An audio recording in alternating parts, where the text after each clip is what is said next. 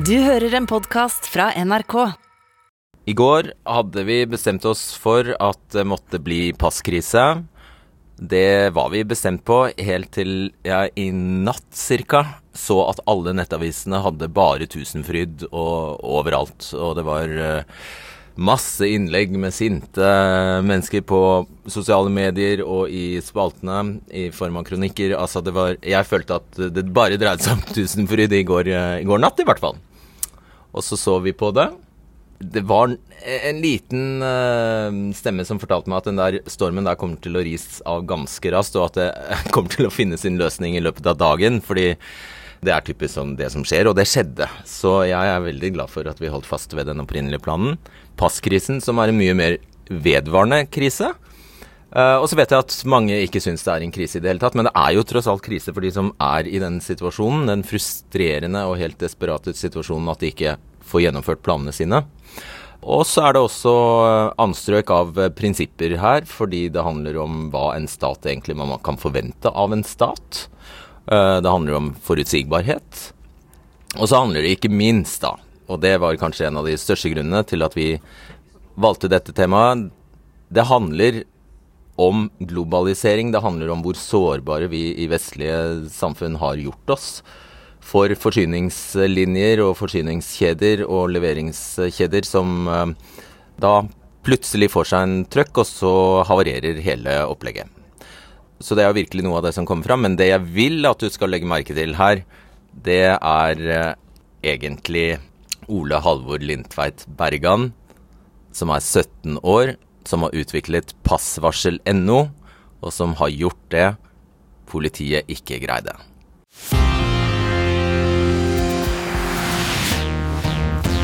Er det ikke ganske utrolig? Vi skal sjekke passet i god tid. Politiet har gjennom halve pandemien bedt oss om å huske å fornye passene våre. Men så er det selvfølgelig noen som venter og venter og tror at alt skal gå bra. Men så går det ikke bra likevel. Og så blir det krangling og klaging og tenners gnissel. Og så blir det passkrise i debatten.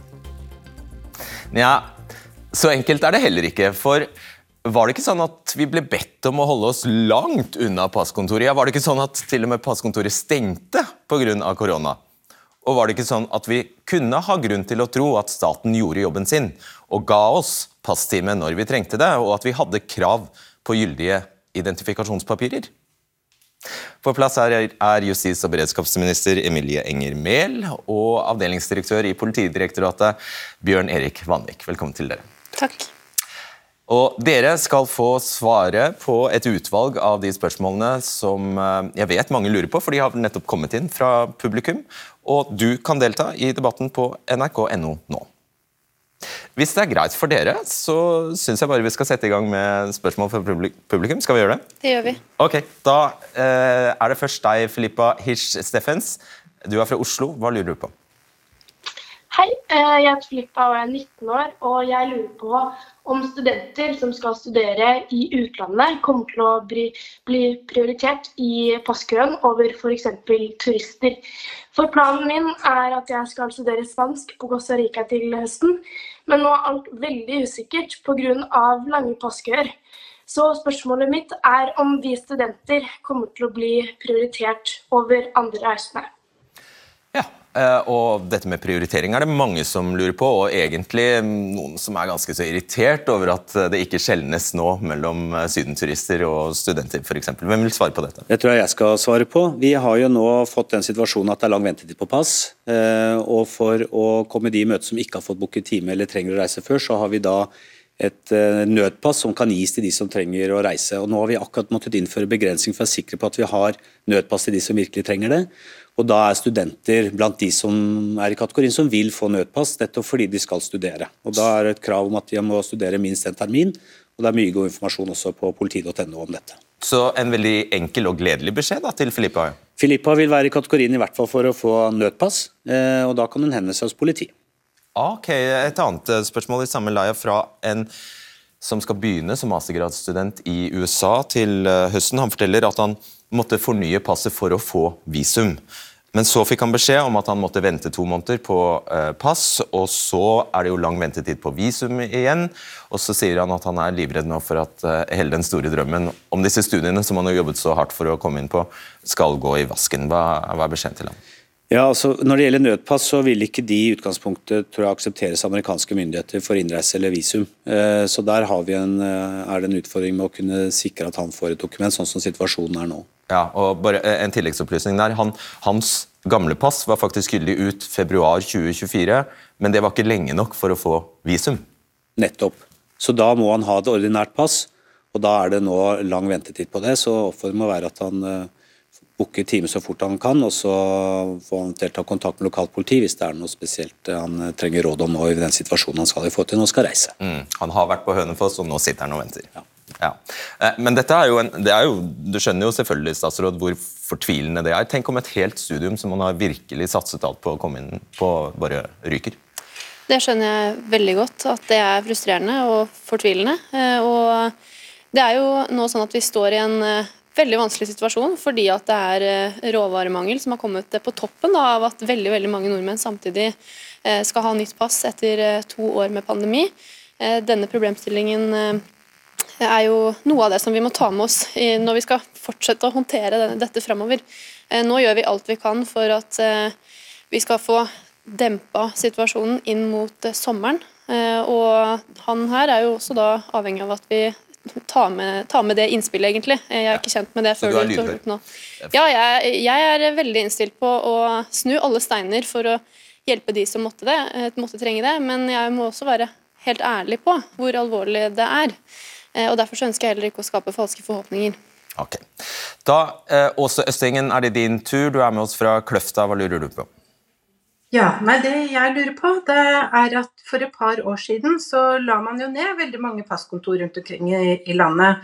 Og Jeg lurer på om man har noe oversikt, eller om man vet hvor mye lengre ventetiden har blitt eh, etter at man la ned alle disse passkontorene. Hvem vil svare på det? Jeg kan si noe om det, og så kan jo eh, Bjørn utfylle hvis han vil. Eh, nå ser vi at det produseres dobbelt så mange pass som det gjorde det siste normalåret, da, før pandemien, i 2019. Sånn at det er vanskelig å si at nedleggelsen av passkontorene har direkte noe med ventetiden folk opplever nå, for det er råvaremangelen. Men rent eh, politisk så har jo jeg og Senterpartiet vært veldig opptatt av at vi eh, ønsker å ha tjenester i nærheten av der folk bor. Og Vi ser jo nå at folk må reise ganske langt eh, for å få seg en ledig passtime. Eh, og Det gjelder jo både på det sentrale østlandsområdet og andre steder. Eh, derfor så begynte jeg i november med å se på strukturen for pass, og har gitt en bestilling til Politidirektoratet på om de kan vurdere om det er klokt å opprette flere passkontor for å ha bedre beredskap, bedre tilgjengelighet for folk. Og Det skal de levere på i august. Så det er jo en problemstilling som er litt på siden av akkurat den akutte situasjonen nå. Og, og Det skjønner jeg, men, men, bare ta det veldig raskt. Det at eh, antall passkontorer er hvis jeg har forstått rett, nærmest halvert, og produksjonen er doblet, må jo bety du skal slippe å være politiker, men det må jo bety at det, det har eh, antagelig ikke så stor sammenheng mellom antall steder? Nei, men det er jo andre hensyn. Hvis dere klarer å være dobbelt så produktive på uh, halvparten så mange steder, mener jeg? Ja, men som statsråden også påpekte, så er det litt andre hensyn også som er trukket frem eh, fra regjeringen. Eh, og så kan det jo også ha noe med beredskap når vi nå kommer i sånne akutte situasjoner som har oppstått nå. Da, med, at dere kan hvis dere vil? eller? Nei, mer at du får en, en, eh, noe større masse å ta da, i forhold til eh, passutstyr og steder man kan utstede. Ja, ok. Da er det Jonas Kristoffer Østby, og du er med oss fra Aurskog. Hva er ditt spørsmål? Jeg lurer på om det er mulig å kunne dra ut med førerkort, eller om man kan finne en løsning på det da, i Schengen EU i hvert fall. Så det er noe de fleste voksne besitter. Ja. I utgangspunktet aksepterer eh, de landene man skal reise til, ikke førerkort. Eh, det er eh, gyldig pass eller ID-kort som gjelder, og selv om det er passfrihet i Schengen, som betyr jo at man kan jo ta sjansen på å reise, så må man jo kunne legitimere seg hvis man blir spurt om det. Men dette er jo et av de sporene som jeg har vært veldig opptatt av at vi nå ser på. Kan man få avtale med andre land som gjør at de aksepterer enten f.eks. pass som har utløpt, eller førerkort. Hva betyr det at du ser på det? Betyr det at du, det at du ringer dem iherdig og ja. ber dem om å godkjenne Rett og slett, egentlig. Vi har sendt en henvendelse til alle Schengen-land. Vi har også sendt henvendelse til til Storbritannia, Canada og USA om, eh, for å se om det er mulig å inngå eh, Hva avtaler. de-. Hva har de svart, da? Det har vi ikke fått svar på ennå. Vi har, eh, det ligger nok litt fram i tid. Og igjen, eh, det er veldig usikkert om det er mulig å få til det på kort varsel. Men det er jo også en del andre land som sliter med Ja, passproduksjon. det, la, oss, Sånn la oss snakke om det. ja. For dette er jo ikke noe særnorsk eh, fenomen. Jeg skjønner sånn at, og dette, Vi kommer tilbake til dette firmaet som utsteder, utsteder eh, passene, men de er leverandør til 40 andre land. de. Ja, og dette med leveranseutfordringen er jo gjeldende egentlig et globalt problem, og mange land også i Europa, Sverige bl.a., har jo lengre ventetid enn vi opplever i Norge. Så det er altså råvaremangel eller forsyningsutfordringer som nå er med på å lage den krisen vi opplever. Jeg skjønner. Eh, På et tidspunkt begynte jo politiet å ja, legge skylda på leverandøren, som altså heter Thales. Det er et fransk eh, selskap. Vi har prøvd å komme i kontakt med dem, men det har ikke lykkes oss. De har rett og slett ikke svart overhodet. Disse Thales produserer altså pass og andre ID-papirer for et førtitalls eh, andre land, blant dem Sverige og USA. Og nå er det visstnok sånn at de altså ikke greier å skaffe ja, alt fra silketråder til mikrochipper. Bjarne Schjelderup, du er analysesjef for råvarer i SEB. Er du overrasket over det som skjer nå? Nei, altså Dette er jo et, et, et problem som vi ser um, i industri av nesten alt mulig. Altså Vi har hatt en globalisering av økonomien i mange mange tiår, som har ført til at vi har fått lange supply chains. Og så har økonomene sagt at det er veldig lurt å ikke ha noe på lager, for det er binding av kapital. Så er det nesten ikke noe på lager noe sted, og så produseres det mange forskjellige biter over hele verden. Så settes det sammen til slutt et eller annet sted. Men i dag, det blir en veldig sårbar modell. Så i det øyeblikket det er en liten hiccup et eller annet sted, så stopper jo produksjonen av ferdigproduktet. For I USA så stoppet jo produksjonen av hus helt opp. fordi det er sånn som, noe som kalles for tress plates, som er sånne stålplater med pigger på som slår sammen eh, trevirke. Det var slutt på akkurat de. Og da stoppet du faktisk å produsere hus en stund, inntil du fikk mer av det. Og, og dette er jo liksom typisk sånn som den globale økonomien ser ut nå etter mange tiår med globalisering, hvor vi er avhengig av et annet som produserer et eller annet lite sted i en lite sted i, i Kina f.eks. At de produserer akkurat den silketråden som akkurat skal inn i det passet. Og så har man da, Det er en sårbar modell, og det kalles just in time. Men det man nå går over på, det er at vi må ha just in case. Vi må ha en mer robust modell. Det måtte altså en krise til før man innså det. Jeg skal bare, du sier supply chain, det tror jeg kan oversettes til leverandørkjede eller noe Ja, sånt? forsyningskjede. Forsyningskjede. Og, og så eh, merker jeg meg at du ikke bruker det samme ordet som politiet her bruker, nemlig råvaremangel. Er det Nei, altså det er snakk om disse plastikkarkene som skal inn i disse passene. Og, altså, det er jo ikke råvaremangel i seg selv. Altså Hadde det vært slutt på plass, så hadde du ikke fått plastikkpose på, på butikken. liksom. Men, men det er mangel på helt spesielle semifabrikata produkter som er produsert et eller annet sted i verden og så transportert til produsenten av pass, som da også igjen har et lite lager av dette her. Ikke sant? Altså, denne viktige typen funksjon i et samfunn, så bør man på en måte koste på seg å ha mer kapitalbinding i et større lager som skaper større robusthet. da. Ja, for hva mener du bør skje nå? Nei, altså nå sitter man jo i saksen. Nå, har man et stort problem. Kina har stengt ned, annet, og, og forsyningskjedene har brutt sammen. Men, men nå jobber jo alle nettopp for å bygge nye typer systemer, hvor man da har større lager, større robustkjeder. Og det er Et typisk eh, klassisk eksempel er jo da Volkswagen, som da nettopp har masse forskjellige produkter som går inn i en komplisert bil, bl.a. ledningsspagetti. Som da er spesialdesignet til hver enkelt bil, som da selvfølgelig produseres på spesielle fabrikker i Ukraina. Så når det da er stopp i Ukraina, så er det stopp i bilproduksjonen til, eh, til eh, Volkswagen. Jeg har også hørt at eh, krigen i Ukraina er brukt som begrunnelse for at vi ikke får pass. Er det noe i det? Det har jeg ingen anelse om. Jeg vet ikke om noe av det som produseres i Ukraina inngår i passproduksjonen. Det er mulig, men det har jeg ingen anelse om. Er lockdown i Kina litt mer sannsynlig? Ja, det er i hvert fall en, en veldig viktig del av det. Helt sikkert. Takk for den innføringen, og jeg tror du ga oss alle noe å tenke på her. Takk. Hjertelig takk. Ja, globalisering der har du det. og Hvorfor har man ikke skjønt dette her før nå, da? Regjeringen har vært veldig opptatt av å styrke beredskapen helt siden eh, vi tiltrådte for sju-åtte måneder siden. Vi satte ned en totalberedskapskommisjon eh, etter jul, før krigen brøt ut. og Noe av det som er sentralt der, det er jo nettopp forsyningssikkerhet. Eh, Og Vi må jo ta med oss lærdommene fra også denne passutfordringen som vi står i nå, eh, og se på er det ting man kan gjøre annerledes i framtida. Trenger vi mer beredskapslager? Eh, og Det gjelder også på andre områder i samfunnet. eh, Som er viktig for både Senterpartiet og Men jeg bare lurer på hvem av dere vi skal skylde på her. Det er jo vel politiet som har inngått denne ene avtalen med dette ene franske selskapet. Så er, er det deg vi skal skylde på, som har gjort oss så sårbare?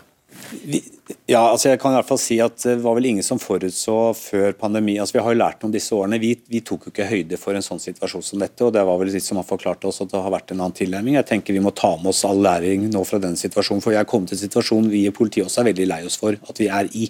Vi ønsker å gi pass til alle som trenger Men i kveld har jeg lest i VG at du har tenkt å velte ansvaret over på dette tallet. Nei, det har jeg ikke tenkt til. Jeg har sagt at vi må vurdere avtalen med tallet. Så det er selvfølgelig også naturlig å gå inn på den leverandøren vi velger og se på vilkårene for hvor, hvor mye man skal både levere, forplikte seg til å levere, og også eventuelt bygge opp lagre, sånn at vi unngår en situasjon som Men bare det, det- det å satse alt på én hest, var det så lurt? Ja, du kan si at eh, du må huske på at dette passet er et verdipapir det er et, med masse sikkerhetsdetaljer, og det skal være likt i hvert eneste pass. Så Hvis vi begynner å ha ulik produksjonsutstyr for å lage passene, så risikerer du at passene ikke blir like, og dermed kommer de i grensekontrollen og blir mistenkt for dokumentfalsk. Så Det er en naturlig, ganske åpen grunn til hvorfor du må ha produksjonen hos én leverandør, sånn at det blir likt hver eneste produkt. da. Jeg skjønner. Men hvis jeg hadde ville tjene penger, så tror jeg jeg hadde blitt Thales. Kanskje. Eh, Ok, Velkommen til deg, Hanne Hårstad. Du er mor til tre barn, kommer fra Asker. I et halvt år har du prøvd å få pass til det ene av, tre, av dine tre barn, nemlig sønnen din på 13 år. Dere er altså en familie på fem. Eh, Men, og den, denne timen, da eh, dere, dere har eh, bestilt en ferie, som er planlagt i slutten av juni. Har lest, jeg har lest meg til at du altså, Eller du leste om passproblemer allerede i februar i, i 2022. Altså februar i år, så du trodde du var tidlig ute, faktisk, da du bestilte time. Ja. Så jeg leste faktisk om passproblemene allerede i januar eh, 2022, og bestilte da eh, passtime i februar. Og så eh, har jo korona vært, som alle kjenner til, og da er den gyldighetsperioden på barnepass den er veldig kort, avhengig av alder på barna. Så eh, når korona er ferdig, Norge gjenåpner, så er passene på alle mine tre barn gått ut. I tillegg til pappaen i huset. Så han tar med seg tre barna, kjører en times tid til politikontor i Ski, og jeg sender med dem tre fullmakter, én en fullmakt per barn. Og så gjør jeg den forferdelige feilen som jeg har angret på hver dag siden, og det er at jeg signerer ikke på den eldstes papirer. Du glemte det. Jeg glemte rett og slett, jeg fylte ut navn, personnummer, alt, men jeg glemte den Og den fatale feilen Ja, der, er hva førte bare- den til? Ja, det førte jo til at eh, de kom igjen, eller ringer meg på politikontoret i Ski og sier eh, oi, oi, oi, du har ikke signert. Ja, men jeg har jo signert på de to andre barna. Nei, det går ikke. Ja, men kan jeg komme etterpå og levere signatur? Nei, det går ikke. Så de kommer igjen med eh, tre pass istedenfor fire. Ja. Ja. Uh, så nå, nå, nå det, Fremdeles så er det da ett barn som mangler pass. og hva, uh, hva, Hvordan går du fram da? Ja. Så vi er i februar, og vi tenker det er jo lenge til vi skal reise i slutten av juni, så vi bestiller så fort vi bare kan eh, en ny time til 13-åringen. Den første ledige timen er i mai. Og så i februar så er jo da eh, situasjonen sånn at leveringstid på pass er fire uker. Så vi tenker det er jo god margin. Men hele dette, dette passbestillingsarbeidet har jo blitt nesten sånn kappløp med tiden der spillereglene endres underveis. Så i februar er passbestillingstiden fire uker. Når vi kommer i mai, så er det sju uker. Vi får ingen informasjon om dette. Det er ikke noen SMS fra politiet om at eh, disse, denne produksjonstiden er gått opp. I tillegg så eh, er det sånn at i februar så kan du bestille både pass og ID-kort. I mai så må du velge enten pass eller ID-kort. Ja, og Din største anklage her er at de gir deg ikke beskjed om at du bør, du må velge, og de gir deg heller ikke beskjed om at det ene, det å få ID-kort, tar kortere tid. Nei. Så når jeg kommer til skranken, så, så sier jeg sånn Du, vi skal reise allerede. Dette er 16. mai. Vi skal reise 27. juni. Vi trenger identifikasjonspapirer før den tid. Og så sier hun ja, du har jo bestilt pass, så det går jo bra. Flott, tenker jeg. Yes, myndighetene redder oss. Det har jeg håpet på og trodd på. Eh, og så viser det seg da bare at vi er utrolig uheldige med saksbehandler, som nærmest eh, holder tilbake informasjon om at vi burde velge ID-kort Eh, og, eller at det også fantes noe som heter ekspresspass, hvis man kan fremvise reisedokumentasjon. Og da skal jeg legge til her, for de, de som ikke har stått i problematikken, at det er ikke mulig å stå i flere køer på en gang. Du må velge en av køene. Eh, ok, Blir det noe av turen? Nei. Det, eller, eller, ja, hvis dere kan gi meg et ekspresspass. Eh, jeg tror ikke det. Jeg, så vidt jeg har fått høre, så kommer dette passet til Elsenmann i midten av juli. Da skulle vi vært hjemme. Nei. Og hvis uh, Ja, hvordan klarer man ikke å skuffe tre små barn? Nei, De blir kjempeglade for å gå i rondbane i år igjen. Men det er fint i rondbane. Ja. Kan du ta tak i dette? Kan du gjøre noe? Jeg synes, for det første synes jeg det er en veldig lei situasjon du har havnet i. og Det er bare beklagelig at det har vært nærmest stang ut eh, hele veien i det du har opplevd. Eh, så er det vanskelig her å stå og behandle enkeltsaker også, syns jeg. Men jeg tror vi må ta med oss dette som et læringspunkt. Og så har det vært en del av bildet som du også forklarer, at det har vært at forutsetningene og planleggingen har endret seg underveis, sånn at man har kommet med nye føringer fordi man ser at dette ikke har gått i hop. Eh, og så er det en veldig kjedelig situasjon. Da, det, Hva syns bare... du Hanne Holstad skal gjøre, da? Harstad skal gjøre? Nei, Det er litt vanskelig for meg å si her nå på direkten og behandle den, men eh, ja, jeg må si det er en veldig lei situasjon det havnet i. Eh, jeg har skjønt, hvis de, eh, og banker bordet for at det ikke har skjedd, men hvis dere måtte i en begravelse i Frankrike, da hadde saken vært annerledes. Ja, det, og det, jeg er jo, ja. Jeg har vært mye på politikontoret i siste, ja. eh, og da har jeg lært meg til det at det var liksom eh, medisinske grunner eller begravelse som var nødpass. Men det kan hende ha endret seg siden jeg var der i går. Da. Ja, Vi følger i hvert fall utviklingen, men vi måtte også begrense antall nødpass. og Derfor har vi jo skjerpet de kravene. Og så er det også å si at vi det er viktig, altså at det har skjedd noe menneskelig glipp her, kan skje dessverre. Vi produserer masse pass, men at det da glapp også med informasjon, det var også Ja, Det tar du vel til deg? Absolutt. Må, jeg tar til meg hele saken. Jeg leste innlegget ditt, og jeg syns det var en veldig ja, okay. lei historie å høre om. Lite plass på Sør, kanskje? Ja, veldig, veldig lite. Bitte lite. ja. God sommer, og jeg skal også eh, opplyse om at du jobber et annet sted på dette huset i NRK. Jobber ikke i debatten, men et annet sted. Ja, Så er det sagt. Takk skal du ha. Da skal vi til Jens Rief fra Kongsberg. Hva vil du spørre om? Ja, eh, hvorfor har vi ikke utviklet eh, teknologien for å produsere passene våre i Norge? Kort og enkelt. Ja, hvorfor ikke? Ja, dette er jo eh, et av de spørsmålene som vi var litt inne på i stad, med at man er avhengig av en god del komponenter for at det norske passet skal eh, kunne leveres helt likt, like sikkert på hvert eneste pass. Og dette er jo noe av det som jeg og regjeringen er opptatt av at vi må ta med oss i tiden framover og se på er det endringer man burde gjøre. Bør vi være mer selvforsynt med eh, noen av disse komponentene, sånn at vi ikke gjør oss så sårbare. Er det, er det realistisk? Kan vi lage egne pass? Når vi går ut og gjør en avtale med passleverandør, så må vi følge regler om offentlige anskaffelser. og det er klart at Da ser vi jo på hvordan det produseres pris, eh, vilkår og betingelser. Så det er ikke noe veien for at en norsk bedrift også eventuelt kan eh, melde seg på, eller at vi kunne ha produksjon i Norge. Men her ble det da valgt ut fra de reglene vi hadde da, i 2016. Det falt man ned på da denne, eh, de som nå tales representerer. Okay. Ja. ja. Folk har sittet pal foran PC-en og ventet på at det ble sluppet nye passtimer, og så har folk måttet hoppe mellom politidistriktene på nett på desperat jakt etter en ledig time. Og så har folk også flydd landet på langs for å få seg pass. Men så kom det en 17 år gammel gutt og gjorde det politiet ikke greide. Ole Halvor Lindtveit Bergan, er altså, det er du som er 17 år, du er eh, skoleelev fra Skien. og Dette startet med at du og faren din eller, satt der og du trengte pass, var det ikke sånn? Jo, jeg trengte pass, for for meg er det den eneste formen for identifikasjon jeg har når jeg ikke har førerkort eller ID-kort fra før. Eh, og når det går ut, så har jeg et problem hvis jeg trenger å legitimitere meg f.eks. til banken. Så du lagde deg en løsning? Jeg lagde meg en løsning en fredagskveld i sofaen hos pappa. Eh, og for jeg fant ut jeg gidder ikke sitte og sjekke om det er ledige passtimer sjøl. Det burde være enklere. Eh, det kan ikke være så mye jobb, tenkte jeg, og jeg satte meg ned og fikk det ferdig til dagen etterpå. Du lagde en robot? Jeg lagde en robot. Som, hva, fortell hva den gjør. Den går inn på politiets nettside, akkurat som en vanlig person ville gjort.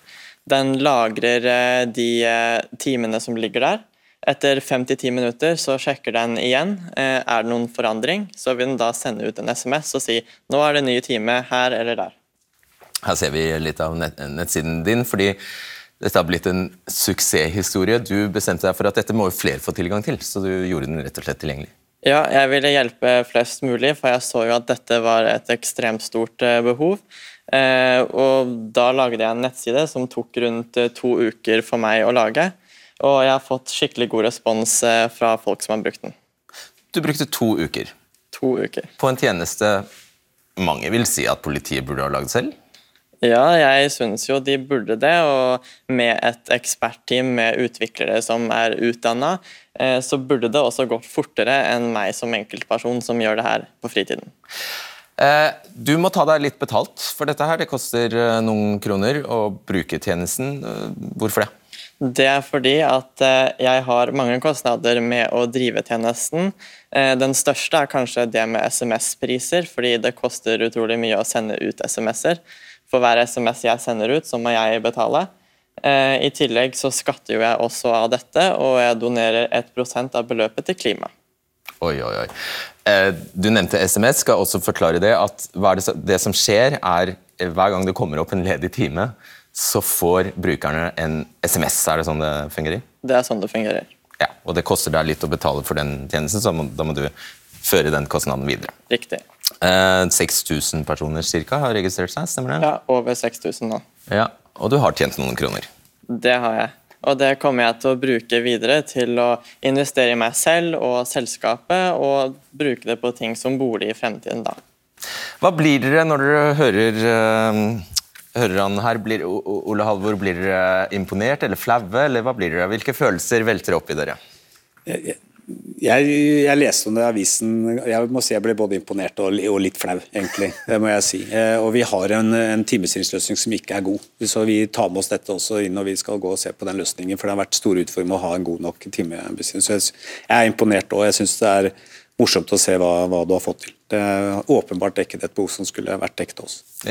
ikke nok med det, vet du hva dere gjorde? Politiet gjorde Idet han lanserte sin tjeneste, så slo dere av SMS-varsel. Ja, ikke sant. Ja. Og det var jo fordi at vi ønsket å ikke få eh, for mange inn som skulle søke, som ikke nødvendigvis trengte å reise. Du, eh, tusen takk og masse lykke til. Tusen takk. Ja, Imponert, tror jeg alle er. Takk. Takk. Eh, da skal vi til deg, Solvår Grøtteland Helleland, er med oss fra Nittedal. Hva lurer du på? Jo, det var, at, jo, det var om eh, syke og alvorlig syke. Eh, si en datter i Australia eller en bestefar nede i Pakistan. Har dem lov å få pårørende på besøk, eh, sånn at pårørende kan komme foran i køen på pass? Godt spørsmål. Sykdom? Det er eh, omhandlet i vilkårene for, eh, og kriteriene for å få nødpass. og Det er god informasjon på politi.no. og Det er vel et krav har vi satt, om nær relasjon da, med altså, sånn typisk nær familie. Mm. Da fikk du svar på det ene. Jeg vet at du har brenner inne med ett til. Eh, bare ta, ta, det først som sist, Solborg. Ja. Det er mer over i forhold til den pandemien vi har vært i, og krig i Europa. Eh, så har en jo beredskapsplaner i de norske hjem. Vi skal ha lommelykt, fyrstikke, havregryn, jodtabletter. Men det er ingen anbefaling om at en skal ha gyldig pass eller identifikasjon. Eh, bør ikke det være en del av en anbefaling i en sånn type plan? Ja, bør det ikke det, statsråd? Det er et uh, veldig godt poeng. Og det som er noe av utfordringen nå, det er jo at vi har vært gjennom en uh, pandemi som har vart så lenge at veldig mange hadde gyldig identifikasjon da vi gikk inn i den. Eh, men så har den vart over tid, og nå er det mange som trenger å fornye det når vi endelig kan møtes igjen. Man kan gå på passkontoret. Eh, men det er absolutt eh, et veldig godt poeng som, som vi kan både ta med, men som også er jo en del av det ansvaret man nå har som innbygger. Å sørge for at man kan at man må holde seg oppdatert med de føringene som gis av myndighetene, og sørge for at man oppdaterer passet sitt f.eks. når du løper ut. Men nå er det altså pandemien som gjør at mange ikke har gjort det. Janja Koviatso, håper jeg uttaler det riktig. Velkommen ja, det til deg. Du eh, bor i Halden. Du hadde planer om å ta med deg de tre barna dine til Slovenia mm -hmm. i mhm. sommer for å besøke din mor og din syke bestefar. Mm -hmm. Hvordan har det gått med de planene? Ja, Det har ikke gått etter planer. Vi har vært i fjor vel på Grålom for å bestille nye pass, og det har jeg gjort til eldste sønnen min. Men til mine minste skulle gå ut i år. Og da sa han bare vent, det, du har god tid, du har et år på deg. Det er bare å det til neste år, og så kom tilbake. Så da venter vi selvfølgelig å spare litt på penger. Hvorfor ikke? Det er ikke noe stress. Da gjør vi det. Så vi kom uh, til dette året. og bestilte pass, og da var det vanskelig å få time, selvfølgelig. Fikk time 1. juli, vel, med ventetid til ti uker for å få pass. Ja. Der stod vi. Der står dere. Og det betyr Hva, hva skjer da med besøket? Nei, det besøket vel i år blir droppa dessverre med barna. Jeg reiser selv alene, jeg er nødt til å gjøre det. Uh, vi har laga ny passtime. Sånn, uh, vi har fått den i går. Og det var to eldre par som fra Rakestet ringte oss og så gitt oss deres time, så takk for det. Er det sant? ja. Så det hjalp mye, da, men ikke akkurat på dette ordet, da. Ja, Så det var et eldre, et, Eldre par, par. pensjonerte, de sa de trenger ikke å reise. Det. Så det var så hyggelig de gitt oss da Som ga deg deres. Så passtimen vi fikk time i går og laga pass til minste to, da. Det var snilt. Det var kjempesnilt. Aner du nå når barna kan få pass? Uh, ti uker. De sa i hvert fall på Grålum, da. Det er ti uker uh, ventetid, da. Ja. Og så er det, Jeg nevnte det at uh, du har en syk bestefar, så Han, ja, gjerne slags, han tør ikke å reise. Nei, Og det var derfor det var litt viktig for, Ja, for deg absolutt, for å skape minner og få tid sammen. Ja, absolutt. Er de lei seg da? For at ikke får... Uh, vel, minste han er jo så lite, han er bare Ja, han skjønner ikke helt, men eldste to de er lei seg og trist at jeg reiser alene og ikke med dem. De blir jo påvirka, men uh, ja, man må bare stå man er, så sånn er det. Her har hun jo bare gjort som hun ble fortalt. Jeg syns det er veldig leit å høre, og denne historien, og egentlig alle de som har blitt eh, presentert hittil, det sier jo eh, noe om hvor mye dette går inn på livene til folk. ikke sant? Det er jo personer som ikke får reist eh, til nære slektninger, det kan være sykdom, og, det, er, det preger meg veldig. Så det er jo også mye. Altså det er jo mye motivasjon i det til å gjøre nettopp det regjeringen gjør nå, prøve å finne løsninger. Og så er vi jo nå avhengig av andre land òg, for, for å eventuelt få tillatelse til at man kan reise på andre typer dokumenter. Lykke til. Håper dere kommer dere av gårde. Takk skal du ha. Og da drar vi eh, Vi går innom deg, Odin Fadlulla, Fadlullah Johan Mauseth, eh, mens vi er i gang her. Du bor på Frøya. Hva vil du spørre om? Eh, Mitt spørsmål er hvorfor forberedte ikke regjeringa seg på en situasjon som her? Burde ikke pass lages på forhånd for å møte de enorme etterspørselene etter koronapandemien? At vi hadde et lager av pass? Ja, hvorfor har vi ikke det? Ja, Det er jo noe av det vi eh, nå eh, mener at det er viktig at vi tar lærdom av og ser på. Skal vi gjøre det? Beredskap koster jo penger, så det å ha et stort lager av eh, pass eller passkomponenter er jo eventuelt en kostnad man må ta, og som ikke forrige regjering prioriterte. og som vi, vi har jo ikke vært her mer enn siden oktober i fjor, så det er jo begrensa hvor mye man kunne klare å få til i den perioden som har gått, fordi pandemien har jo vart hele den tiden. Eh, Men dette er en av eh, de tingene som jeg mener er veldig viktig at vi, vi tar med oss eh, og lærer av. Og, og så har vi jo gjort en, mange strakstiltak. Da jeg første gang ble orientert om at situasjonen var alvorlig, og dessverre har det blitt verre siden, det var jo i mars, da gjorde vi jo ting for å øke timekapasiteten, øke bemanningen på politistasjonene. Der vi er nå, så hjelper ikke de tiltakene, fordi vi fortsatt ikke får levert nok passbøker. Du skal forlate oss aldeles straks. Jeg bare lurer på, Hvis folk hadde fulgt den Dere var tidlig ute, det skal sies. Dere var tidlig ute i fjor faktisk og ba folk om, ø, om å sjekke når passene gikk ut. For dere holdt jo oversikt. Dere kunne jo se når passene gikk ut. Hvis folk hadde gjort som dere sa, og meldt seg eh, tidligere, hadde vi da unngått alt dette her, eller hadde det vært samme smørja fordi Thales holder på? Jeg tror nok vi hadde i hvert fall hatt mange færre. Eh, Så er det litt vanskelig å si hvordan det kunne gått. da. Men, eh, men nå er vi i en situasjon hvor det er egentlig eh, leveransen av passbøkene som er hovedgrunnen til at vi står der vi gjør. Hva er ditt beste råd til henne nå? Nei, Jeg syns det er viktig å ta lærdom og se vi kan, hvordan vi skal fremover unngå plan, altså planlegge for å unngå å komme i den situasjonen på ny, tenker jeg. Og så er det mange sider ved denne problemstillingen som er viktig å få sett litt nærmere på før man konkluderer. Vet du hva, Jeg rekker et siste spørsmål om barn, for det er så mange som er opptatt av Disse barnepassene som altså bare varer i to år. Er det for de yngste barna Hvorfor kan dere ikke bare forlenge det? Nei, Det er det samme at det er utløpstiden på passene som gjelder, og så er det en grunn til at vi har kort utløpstid for barn, nettopp fordi at barn vokser og endrer utseende. Skjønner vi. Ja, det forstår vi. Men ja, ok. Greit. Takk skal du ha. Og Da ønsker jeg velkommen til eh, opposisjonen her, som har reagert på håndteringen av passkrisen. Per-Willy Amundsen fra Frp og eh, Ingvild Wetterhus Thorsheim fra Venstre. Velkommen til dere. Menneskerettighetsbrudd Torsvik, unnskyld. Sa jeg Torsheim? Torsvik. Unnskyld. Per-Willy Amundsen, menneskerettighetsbrudd har du kalt dette her. Det er store ord. Ja, men det er ikke desto mindre riktig. Både Grunnlovens paragraf 106 og også eh, Verdenserklæringa for menneskerettigheter eh, gir alle borgere rett til å forlate og reise tilbake til eh, sitt land. Så det er faktisk så alvorlig. Det, og så, så, hører jeg at man da hevder at vel, man får rett til pass, men det går et tid når man må vente så lenge som man gjør nå. Så, så vil jeg hevde at man nå har passert en grense hvor man faktisk bryter menneskerettighetene. Det betyr at vi har en regjering som bryter menneskerettighetene hva gjelder borgernes rett til fri bevegelse. Eh, men så hører jeg på hva som sies i denne debatten. Um, og for meg så, så virker det som at uh, regjeringa ikke har tatt inn over seg problemet når problemet oppsto.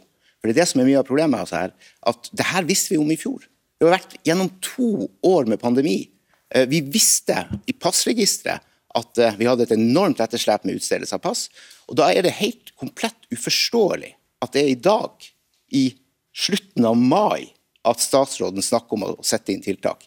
Det er altså altfor sent. Dette er en varsla krise, og regjeringa har i realiteten hunget etter hele veien okay. og ikke levert på det som er nødvendig, nemlig at borgerne må ha rett til pass. Det han sier er jo helt feil. Jeg vil starte med å si at jeg er helt enig i alvorsbeskrivelsen her. Det er en veldig alvorlig situasjon. Det at personer ikke har et dokument å legitimere seg med, det er noe regjeringen tar på største alvor. og Dette er jo noe som har høyeste prioritet i Justisdepartementet og Utenriksdepartementet nå for å få løst. Enig at det er menneskerettighetsbrudd? Det er jeg ikke enig i. Eh, jeg mener det ikke er holdepunkter for å si at dette er grunnlovsbrudd på den måten som man gjør nå, men jeg tror ikke vi skal gå inn i Nei, en polemikk om det, fordi det handler nå om hvordan vi skal få avdempa situasjonen mot sommeren. De, den, de problemene som nå skyldes at ikke Thales klarer å få tak i nok komponenter, det har vi ikke vært kjent med før nå i det siste. Vi fikk beskjed i, i, mars om at de slet med å levere nok pass inn mot sommeren. Vi satte inn tiltak, de samme tiltakene som de to nå foreslår at vi skal gjøre nå, altså flere passtimer og mer bemanning. Det vil ikke hjelpe i det hele tatt nå. Eh, og mitt, eh, min, min inngang til det i mars var jo at må, dette må hjelpe, vi må få ned køene. Og så får vi da en beskjed eh, to måneder senere om at situasjonen har blitt enda verre. Det er ikke riktig, det er ikke det eneste forslaget. Det er altså flere forslag som ligger inne i den stortingsbehandlinga vi har på torsdag, hvor bl.a. vi foreslår alternative leverandører, eventuelt bygge opp egenproduksjon egen produksjon i Norge. Dette visste vi om. Vi vet om hele beredskapssituasjonen, og at dette også er et problem på passida, det burde ikke overraske noen. og Derfor så syns jeg det viser nok en gang at når det gjelder beredskap, så ligger denne regjeringa dessverre langt etter, på tross av to år med pandemierfaring. Okay. Da Ingvild Torsvik, stortingsrepresentant for eh, Venstre, du kjøper ikke helt denne forklaringen om at det handler om råvarer for å ta til tales og sånn? Jo, men det er helt åpenbart at det er en del av problemet, men dette er jo en sammensatt utfordring. Altså I starten så var det problemer knytta til bemanning og åpningstid og den type ting, og det var jo også da vi leverte vårt forslag til Stortinget hvor vi eksemplifiserte det.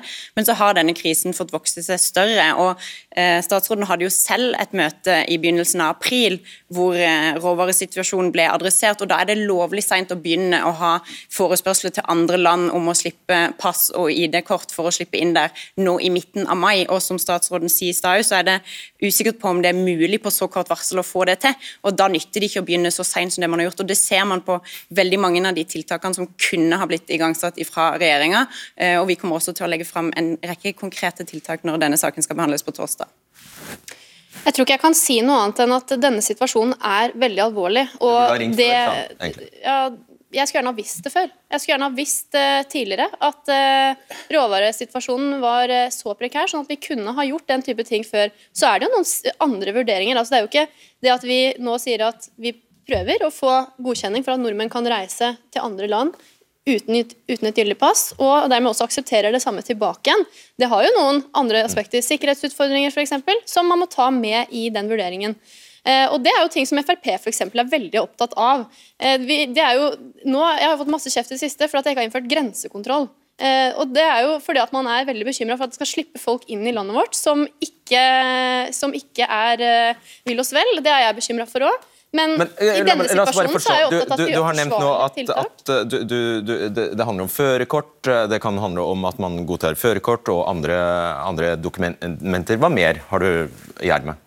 Jeg mener eh, det mest farbare da, er pass som, altså folk som har pass som har utløpt. Mm. ikke sant? Det er jo at man forlenger personer, det? At man forlenger det. Og det vi har bedt om nå, er at man kan uh, bruke pass som har utløpt inntil tre år etter utløpsdatoen. Da fanger vi opp de som har med pandemien. Men jeg vil ikke si det uten å samtidig si det er ikke, eh, ikke sikkert at dette går.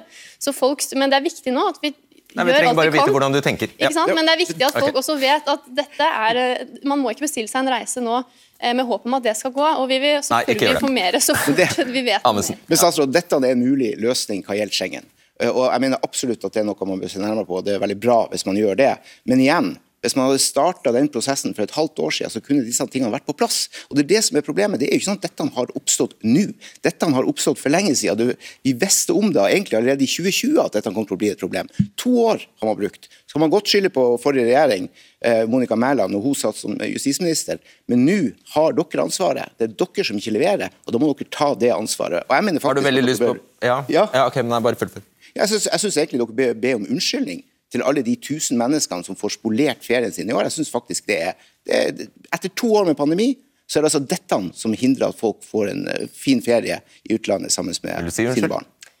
Det er eh, veldig lett å være etterpåklok, og jeg har ikke registrert noen forslag fra verken Frp eller Venstre for et halvt år siden om disse tingene i Stortinget heller. Det er lett å si unnskyld òg. Sånn at, Vil du det? eh, Jeg syns det er veldig leit at folk ikke får reist okay. når man hadde håpet det etter to år med pandemi. Men vi gjør alt vi kan for å både prioritere køen og gjøre at vi får eh, mer kapasitet. Torsvik. Takk.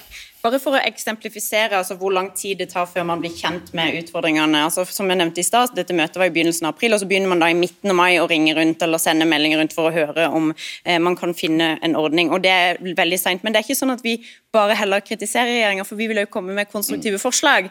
Eh, og Derfor kommer vi med en rekke forslag eh, når, når eh, denne saken skal behandles på torsdag i. Stortinget. Eh, og En av forslagene er det som justisministeren er inne på her, med å forlenge utgåtte pass, eh, utvide gyldigheten. Eh, det at regjeringen kan lage en oversikt over land du allerede i dag kan reise til uten ID-kort. Det er ikke alle land som sjekker på grensa. Det å kunne tilby borgerne sine den type ting, lage egne køer for de som skal hente pass, gjøre det mulig å hente pass på eh, de forskjellige stasjonene, eh, se på beredskapssamarbeid for å sikre at dette ikke er situasjoner som ser igjen framover, og ikke minst sørge for å sikre ordninger som gjør at man kan få tak i de nødvendige komponentene i den situasjonen som vi er i nå. For dette er ikke noe som kommer til å ha en rask løsning, iallfall ikke når man jobber så sent med dette som regjeringa gjør. Siste, uh, siste spørsmål. Uh, du nevnte at hvis vi f.eks.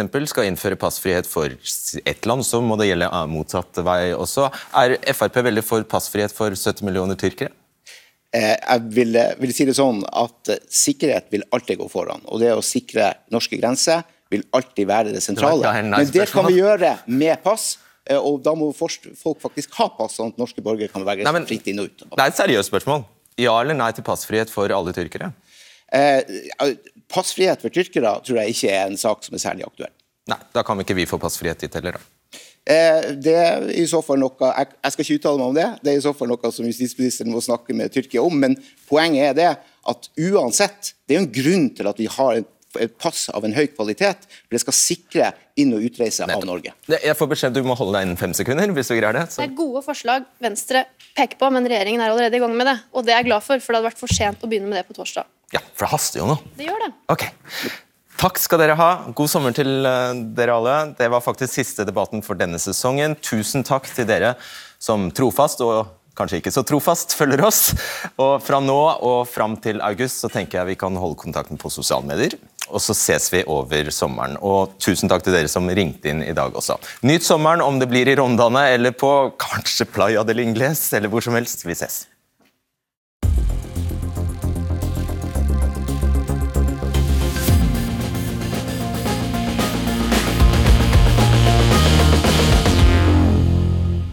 Ja, jeg er ikke så veldig lei meg for at det var siste sending for eh, sesongen, må jeg innrømme det. vært ganske, jeg føler den uh, våren her har vært uh, ganske intens. Så, men jeg er veldig takknemlig for deg som hører på podkasten av debatten. Jeg er takknemlig for alle som ser og får med seg debatten ellers. Ikke minst dere som uh, henger med på sosiale medier. Og der kan jeg si, der har vi store planer. Vi har tenkt å bli enda flinkere på sosiale medier. Så det er bare å eh, Hvis du liker debatten, da, så, er det bare, så tror jeg du har mye godt i vente. Jeg tror ikke jeg sier noe mer enn det. Jeg tror jeg ønsker alle en skikkelig god sommer. Uansett hvor det måtte tilbringes. Og så høres vi i august, gjør vi. Ok, ha det bra. Du har hørt en podkast fra NRK. De nyeste episodene hører du først i appen NRK Radio.